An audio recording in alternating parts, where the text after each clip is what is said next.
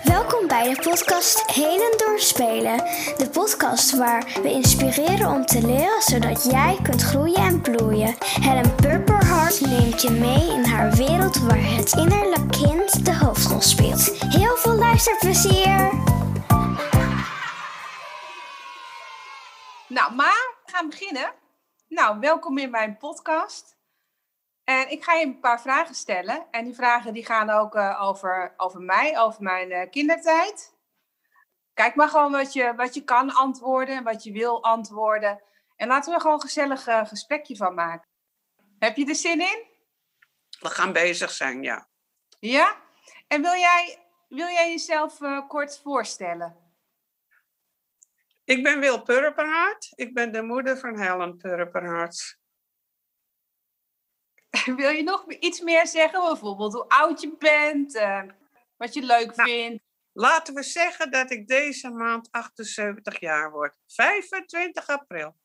Dat is al binnenkort, hè? Dat is heel snel. Ja. En wat doen we met de corona? Lekker thuis blijven. En ga je iets doen? Eh, ga je mensen uitnodigen? Nee, dat mag niet, hè? Nee, ik heb een leuke hobby. En ik ben bezig om nijntjes met allerlei vlaggen te maken. Surinaams, Curaçao's, Colombia. En later hebben ze het op Facebook gezet. En nou komen ze binnen niet mooi ben, dan ben ik alleen. Maar ik heb mijn zus bereid gevonden om mij te helpen. Die is nu tien nijntjes aan het maken. Bruine nijntjes met de Surinaamse vlag. Kindertijd. Ik ben heel erg benieuwd wat jij nog kan herinneren uit mijn kindertijd. Ja, hoe ik als kind was. Nou, eh, zoals je nu bent, dus eh, alles organiseren in de kinderen, met de kinderen in de straat. Dus jij regelde alles en hun deden wat jij zei. Dus dat zie je gewoon nu, op, op dit moment, nu ik volwassen ben, zie je dat eh, ook nog terug. Ja, ik heb dat nooit gehad als kind. Mijn zusje moest dat voor mij doen. Als jouw zus dat bedacht had, dan volgde jij. Ja, maar ze bedacht zo vaak dat ze ruzie kregen. En dan was het, Willy, help me. En dan moest ik ze in elkaar slaan. Waar was jij een soort van bodyguard voor je zuster? Ja, ja, ja. Maar zij regelde alle leuke dingen voor me. En, maar ik was een bescherm, want ze was echt, nou, nog erger dan jij. En niet erger, maar eh, nog veel meer aan het organiseren. Hetzelfde als jij, maar zij zorgde altijd dat ze in de problemen kwam. En dat heb jij niet. Dat bedoel ik met erger dan jij. Maar was het dan zo vaak dat ze jou op ging eh, eh, roepen om, om gewoon, eh, zeg maar, ja, Oh, haar, haar ruzie op te lossen? Maar als ze boos was op mij, dan maakte ze allemaal mooie spullen stuk. En dat heb jij met je zusje nooit gedaan als je ruzie had. Maar had ik eigenlijk vroeger vaak ruzie? Nee. Dus ik was meer gewoon het organiseren en het spelen en de kinderen die gingen dat mee. Welke leeftijd was dat ongeveer? Dat ik altijd alles organiseerde? Nou, we kwamen hier wonen toen je vier jaar was. Toen begon het al hier voor de deur. En dat is in Slotermeer, hè, in Amsterdam. Ja, op het grasveldje hier tegenover mij. Onder de boom met een eh, zelfgemaakte soort huisje, tentje en eh, kleedjes. En dan spelletjes doen. Kan ik me inderdaad nog eh, goed herinneren. Spannen we zo een touw aan de boom en dan een, een doek een soort, tentje, ja. Ja, en dan zetten we die tentjes, die doeken zetten we dan aan de grond vast met eh, van die knijpers. Die Ja. knijpers maakten we kapot en die drukten we dan gewoon in het gras. Maar ik kan me inderdaad ook herinneren dat ik eh, speurtochten of fietstochten organiseerde. Dat we dan rondom de Slotenplas eh gingen fietsen. Dus het groot meer. Eh, of eh, slagbal en honkbal ging ik dan. eh, Ja. En op het grasveld tegenover, met die bomen, daar deden jullie dus met die bomenspelletjes. Was het niet tikkie, tikkie of zo? Er waren veel bomen en dan, als je bij de boom, je werd getikt en niet op tijd bij die boom was. volgens mij was dat slagbal.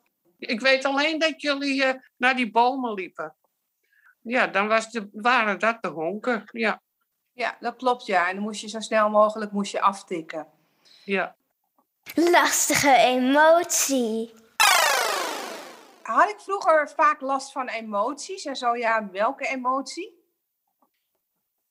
Ik had vier kinderen, dat weet ik allemaal zo gauw niet meer. Of gedrag? Een beetje bepaald gedrag wat, wat ik had, dat je dacht, van, oh ja, dat is Je die... kon boos zijn, ja, maar je was daarna ook weer vrij snel eh, lacherig. Ik hield niet lang mijn boosheid eh, vast. Nee, nee, nee, nee, nee. Jij hebt vier kinderen, hè? Ik ben dan de tweede. De tweede. De tweede. Jij scheelt precies 20 jaar met mij. 20 toen jij geboren werd. En hoe oud was je toen je mijn broer kreeg, dus de eerste? 19. En ik was 20. En je broer schelen anderhalf jaar. En ik met mijn zus schelen precies een jaar, hè? En dan heb ik nog een jongste broer en daar zit drie jaar tussen. Ja. Nou, in ieder geval met z'n vieren zijn jullie in totaal vier jaar. Ja, dus En- elk jaar ben je eigenlijk zwanger, hè? Ja, zo'n beetje wel, ja. Als je nou die vier kinderen zo, eh, als je daarna aan terugdenkt, hè? Weet je dan een beetje wat het verschil in karakter was tussen ons vier? En met welk karakter heb je dan bijvoorbeeld het meeste moeite? waren eigenlijk huilbaby's. Gewoon Niet- toen ze echt heel klein waren. Maar- Als er wat was, dan waren ze al gauw allebei aan het huilen, ja. En zocht altijd onder mijn rokken met zo zijn vinger. Zat hij met een stukje van mijn rok. Heel veel mensen die kunnen dit eh, niet zien. Dus kun je vertellen wat je precies aan het doen bent? Ik heb dus eh, mijn, mijn, mijn wijsvinger gebogen onder mijn neus.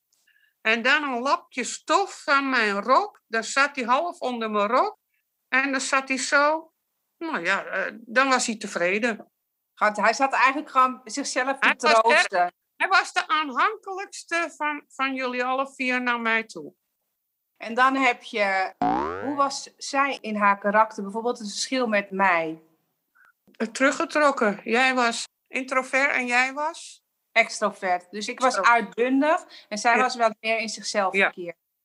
Nou, dat, dat denk ik nog wel vaak aan. Want ik was vroeger eh super fan van Pippi Langkous. Nou, dat weet je wel, hè? Dat ik gewoon echt eh, niet kon wachten totdat Pippi Langkous op de televisie was. En dan had je Pippi, die ook extrovert was. Dus gewoon heel uitbundig. En die was nooit bang en die deed van alles. En dan had je haar vriendinnetje, Annika. En die was wat stiller en die was wat braver. En die was wat meer gericht eh, in helpen en zo. En ik vergelijk mijn zusje altijd met Annika. En ik zie mezelf altijd als Pippi Langkous. Als ik dat zo vertel, wat vind jij daar dan van? Ja, dat heb je me vaak genoeg verteld, maar het klopt wel. Ja, dat klopt wel, hè? Ja. En dan heb je ook nog mijn oudste broer en jouw oudste kind. Wil je daar iets over vertellen? Daar, eh, met, met, eh, vanaf zijn geboorte is dat heel anders gelopen natuurlijk, omdat ik een ongehuurde moeder was en 19 jaar toen hij geboren werd. eh, is hij dus in dat eh, tehuis op de Prinsengracht, dat was een ongehuurde huis, tot mijn trouwen, dat hij een jaar was toen ik trouwde. En nou, hij in het tehuis en ik in een pleeggezin. En toen ging ik trouwen en wat denk je? Ik kreeg hem niet mee, want ze moesten eerst bij mij thuiskomen om met de vinger langs de plint te gaan. En dat hebben ze ook inderdaad gedaan. En toen pas kreeg ik hem. Dus pas eh, een paar maanden na mijn trouwen. Maar mocht Ja. jij daar wel bij zijn? Ik ging hem altijd bezoeken. Ik ging hem dus na mijn werk, ging ik hem wassen, eten geven. Ik ging elke dag. En, en ging pa dan ook mee? Eigenlijk heeft hij weinig met jullie allemaal. Met, ik deed alles altijd. Ik ging mee naar de sportscholen van de jongens. En toen gingen jullie ook nog eens een keer handballen. En toen was ik het zo zat. Ik zeg, jullie mogen, maar ga maar lekker alleen. Ik was eindelijk blij dat ik een keertje thuis kon zijn in het weekend. Maar voor de rest met schoolavonden en ja, dat soort dingen, dat deed ik allemaal. Want hij werkte en dat was mijn taak. Mhm. Tegenwoordig, als je om je heen kijkt, dan zie je vaders veel doen met kinderen. Maar dat was vroeger niet, in mijn tijd niet. Dus ik ben niet de enigste hoor. Dat was gewoon toen. Vader werkte en moeder die bleef thuis om de kinderen te verzorgen. En als je nou terugkijkt eh, naar die tijd, eh, zou je het dan precies weer zo gedaan hebben? Of zou je dan eh, iets veranderen? Zou je dan bijvoorbeeld tegen mijn vader hebben gezegd van nou, ik vind dat het beter verdeeld moet worden? Dat, Zeker, dat zou ik zeer zeker dan gedaan hebben. Meer erbij betrekken, ja. Ja, oké. Maar nu ben je uh, oma, hè? En uh, je bent oma onder andere van mijn kinderen, maar ook die van mijn zus en van mijn broer. Hoe vind je het eigenlijk om oma te zijn van mijn kinderen? Het gekke is dat ik daar het meeste contact mee heb. Ik heb ze allebei vanaf de geboorte, nou een paar keer per week, dat ik oppaste. En er kwam er nog een, een, jongetje van, uh, van jouw vriendin bij. Dus had ik er twee in de box. Want zij moest werken en ze had geen crash.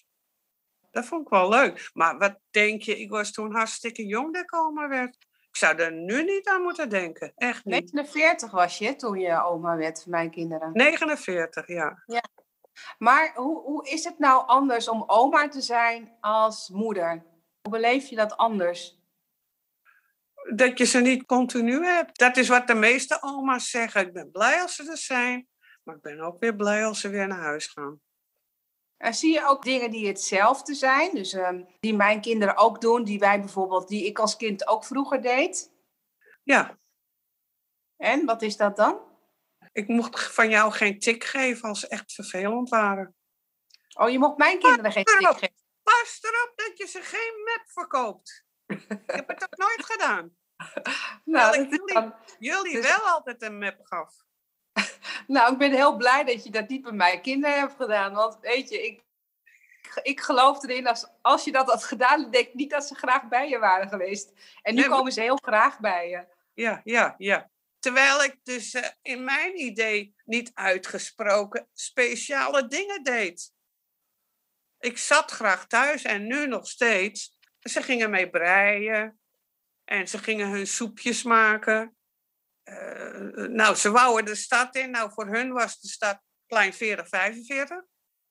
Dan gingen we daar uh, op de markt kijken en winkels. Dan waren hun al tevreden. En, en als ik nog even terugga naar wat je net vertelde, hè, dat, je, dat je mij vroeger wel een map gaf. En dat kan ik me ook nog wel heel goed herinneren dat je dat uh, deed. Waarom deed je dat eigenlijk? Onmacht. Onmacht. Jullie luisterden niet. En, en ik kreeg het alleen maar benauwd. Ik ben ook astma-patiënt, maar toen ook al eigenlijk. Bij mijn ouders was het dito zo. En weet je wat het gekke was? Bij mijn thuis, mijn zusje en ik sliepen samen in een tweepersoonsbed. En ik voorin, zij tegen de muur. Mijn moeder deed het nooit. Die gaf nooit een map. Maar die vertelde alles aan mijn vader. En als mijn vader s'avonds van zijn werk kwam, lagen wij al in bed, kwam hij met de mattenklopper. En wie kreeg alle klappen? Ik, want ik lag vooraan.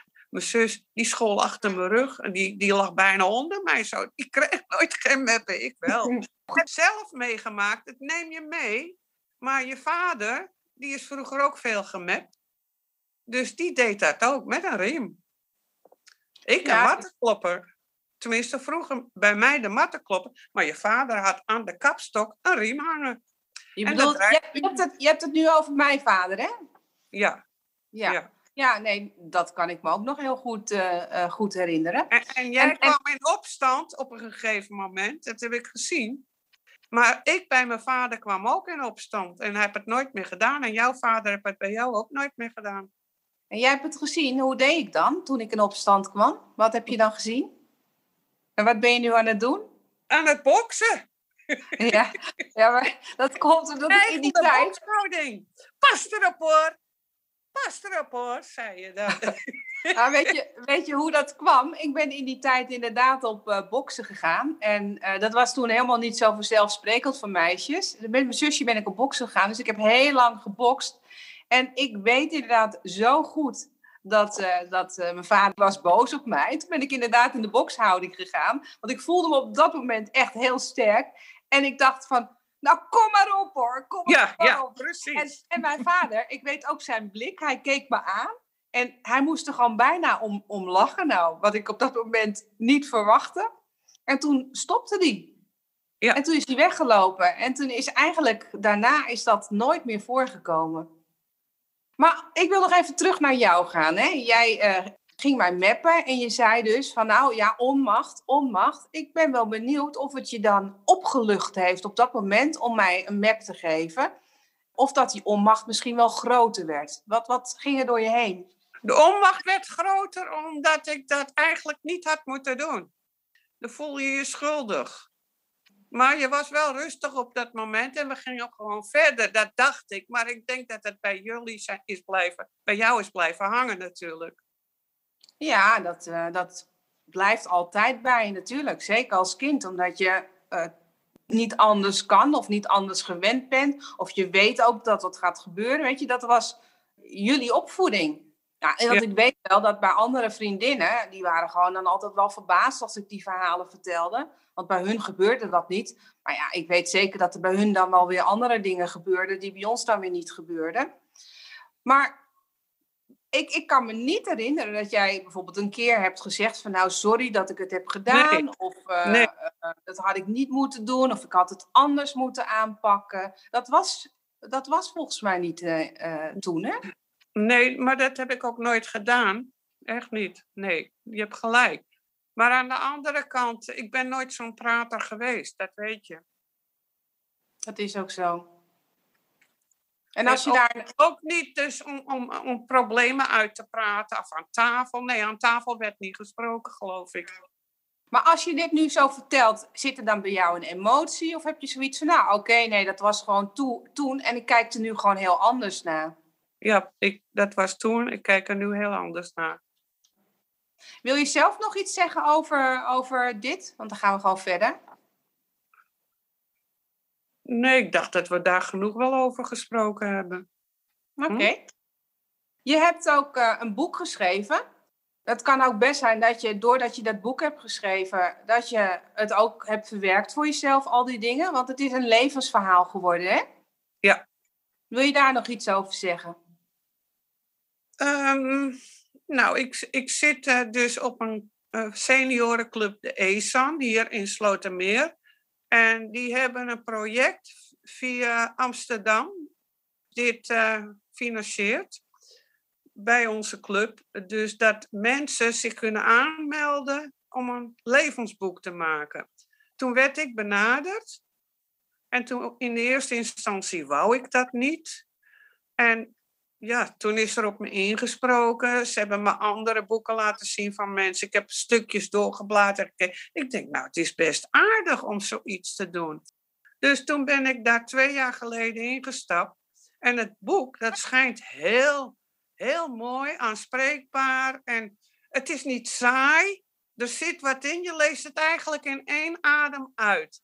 Ik heb zoveel mooie complimentjes gekregen dat, uh, ja, dat de leidster die daarover ging, zei van jouw boek is wel het mooiste van alle boeken die we hier hebben laten maken.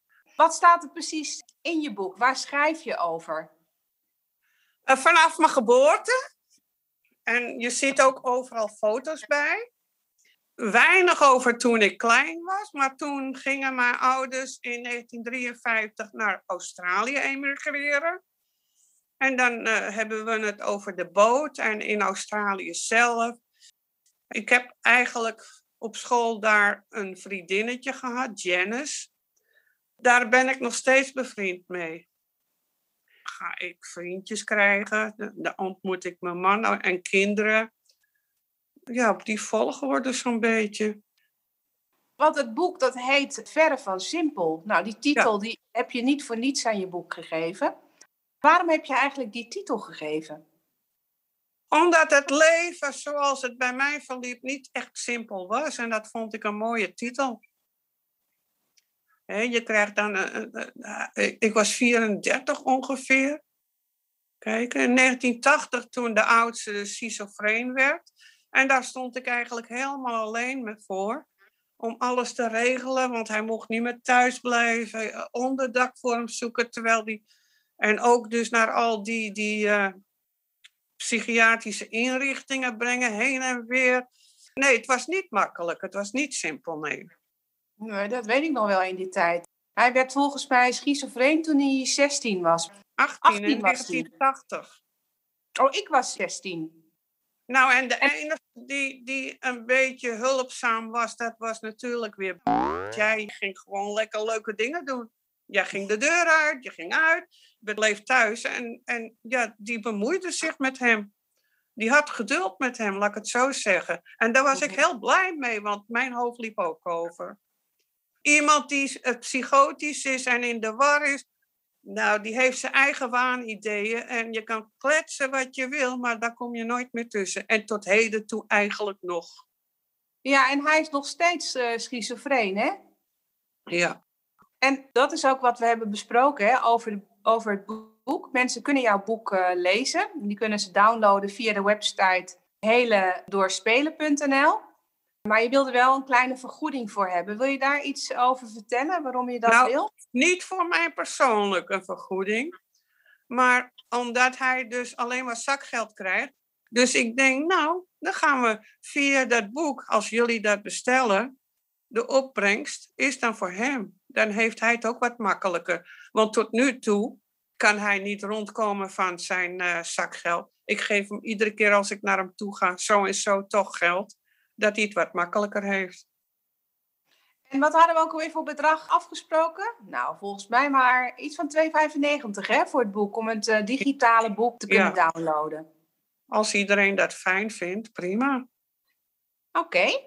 Nou, ik, uh, ik denk dat we aan het eind uh, van het uh, gesprek zijn gekomen. Ik heb nog een laatste vraag aan jou. Waar geef jij jezelf een applausje voor? Nou, dat heb ik vaak genoeg van mensen gehoord. Ik vind mezelf minder waardig, maar iedereen is enthousiast met me. Ja, jij ook. En dat zeg ik al tegen. Ik word nog eens een keer beroemd met al die aandacht op AT5 al een prinses van de buurt? Ja, toch? Ik ben toch ook op AT5 geweest? Nou, en iedereen zegt, je hebt het keurig, netjes en heel leuk gedaan. Want ik maak overal eigenlijk toch wel... Ja, ik heb hier een kamer vol met tassen met wol. Vraagt AT5 van, mogen we iets niet zien? Ik zeg, ach ja, en ik doe die deur open. Ik zeg, ha, ha, mijn verzameling wol. Ik bedoel, het komt allemaal leuk over. En jouw filmpje met je presentatie van je boek. Het schijnt dat ik een hele rustgevende stem heb. nou, de luisteraar die kan dat zelf uh, bepalen of dat uh, zo is. En ook het filmpje zal ik gaan plaatsen op heledoorspelen.nl. Dus van AT5. Dus dan kun je die uitzending terugkijken. Dan krijg je van mij een uh, groot applaus.